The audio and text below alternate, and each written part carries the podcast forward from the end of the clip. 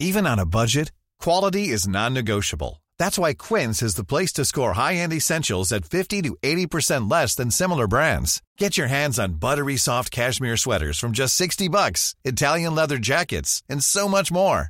And the best part about Quince, they exclusively partner with factories committed to safe, ethical, and responsible manufacturing. Elevate your style without the elevated price tag with Quince. Go to quince.com slash upgrade for free shipping and 365-day returns. When you make decisions for your company, you look for the no-brainers. If you have a lot of mailing to do, stamps.com is the ultimate no-brainer. Use the stamps.com mobile app to mail everything you need to keep your business running with up to 89% off USPS and UPS. Make the same no-brainer decision as over 1 million other businesses with stamps.com. Use code PROGRAM for a special offer. That's stamps.com, code PROGRAM.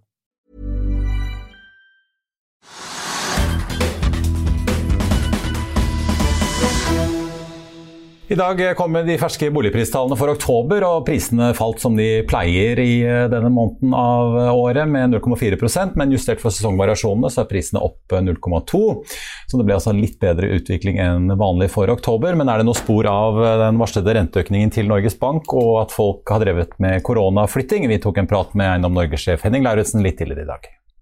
Henning, eh, prisene er nå 7% høyere generelt sett enn de var på denne tiden i fjor. Eh, hvordan vil du beskrive markedet nå?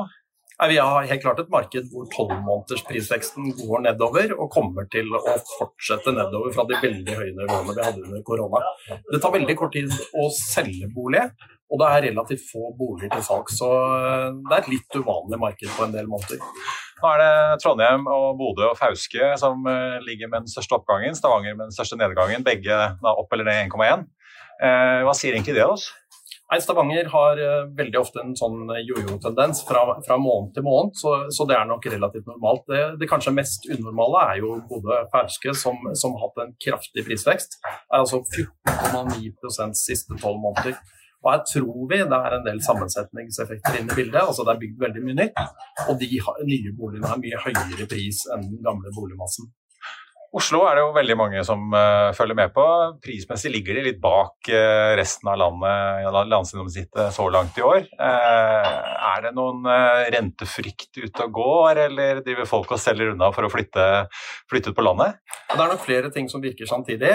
Oslo har bl.a. blitt råket av redusert arbeidsinnvandring, som nok også har slått inn på boligmarkedet. Og I tillegg så er det jo sånn at rentene virker sterkest i Oslo, for Oslo har de høyeste prisene og de største største lånene. Ja. Ser dere noen uh, renteeffekt ellers i landet, eller er det i Oslo det er uh, mest synlig? Nei, jeg tror, jeg tror, noe av det vi ser eh, mange steder, altså det som demper veksten fra, fra de elleville periodene under korona, i stor grad skyldes ting som har med renten å gjøre. At de har vært bebudet lenge, at sentralbanken hever i samsvar med det de bebuder, har nok innvirkning og hatt en stund. Nå var jo Oslo eh, reneste Klondyke i, fjor. Nå er prisene der opp 5,5% i år. Eh, er det litt sånn overdramatisering å si at uh, nå er det en stopp i Oslo, eller hvordan vil du egentlig beskrive den utviklingen du ser i hovedstaden? Ja, Det er jo helt åpenbart en midlertidig bremt i markedet, men jeg har veldig liten tro på at vi kommer til å se det på lengre sikt. Og allerede til våren så tror jeg vi kommer til å se at markedet kommer mye sterkere tilbake i Oslo. For tilbudsunderskuddet i Oslo, det er der fortsatt, selv om det går litt rolig i øyeblikket. Og så til slutt må du forklare dette du tok opp i dag, som du også har skrevet om i avisen, at uh, dere mener at denne verdsettelsen av boliger uh, i selvangivelsen er helt gal. I dag er det jo SSB som gjør dette, og så får man uh, god rabatt, i hvert fall på primærboligen. Hva er det dere ønsker i stedet? Ja, det vi ønsker er jo at vi får et system hvor man klarer å verdsette primær, primærboliger og andre boliger, dette gjelder jo også fritidsboliger, det gjelder sekundærboliger, til reell verdi. Og Dagens system er basert på kvadratmetere, og det viser seg at det bommer kraftig. Og kanskje spesielt på dyre boliger så blir det veldig stort misforhold mange ganger. Ja, Og de med og uten kveldssole kanskje i en boligvei? Jo, eh, for det, det, er jo det vi ser i virkeligheten. At eh, strandtomt og kveldssol det er klart det gir høyere pris enn når du ligger nedi en dump, men det får du ikke reflektert i dagens system. Har vi, har vi et alternativ, da? Ja, Vi har veldig mange alternativer. Bankene de plikter å verdivurdere eh, pantet sitt. Eh, eiendomsmeglerne bruker systemer, og det er jo elektroniske systemer som beregner verdi på en veldig presis måte.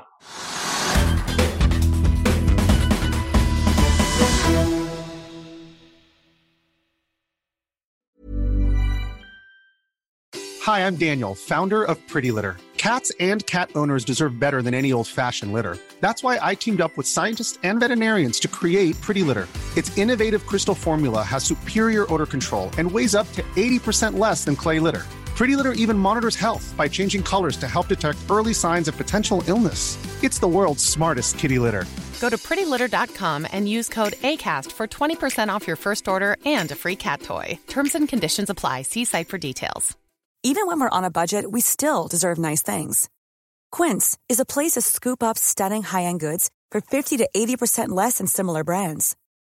They have buttery soft cashmere sweaters starting at $50, luxurious Italian leather bags, and so much more. Plus, Quince only works with factories that use safe, ethical, and responsible manufacturing. Get the high-end goods you'll love without the high price tag with Quince.